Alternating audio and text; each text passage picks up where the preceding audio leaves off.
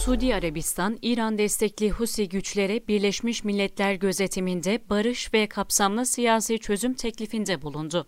İran destekli Husi güçlerin son haftalarda Aramco petrol tesisleri dahil Suudi Arabistan'ın birçok noktasına saldırı düzenlemesi sonrasında Suudi Arabistan'dan ateşkes teklifi geldi. Suudi Arabistan Dışişleri Bakanı Faysal bin Farhan, barış teklifinin Birleşmiş Milletler gözetiminde kapsamlı ateşkese varılması, Hudeyde limanından elde edilen gelirlerin Merkez Bankası'ndaki ortak hesaba aktarılması, Uluslararası Sana Havalimanı'nın bazı uçuşlara açılması ve Birleşmiş Milletler gözetiminde taraflar arasında müzakerelere başlanması gibi ana konuları içerdiğini belirtti. Suudi Arabistan Dışişleri Bakanlığı'ndan yapılan yazılı açıklamada, girişim kardeş Yemen halkının insanlık acısını sona erdirmeyi ve Suudi Arabistan Krallığı'nın kapsamlı siyasi çözüme ulaşma çabalarına verdiği desteği ortaya koyuyor ifadelerine yer verildi. Umman'ın barış girişiminde önemli rol oynadığını belirten Birleşmiş Milletler Yemen özel temsilcisi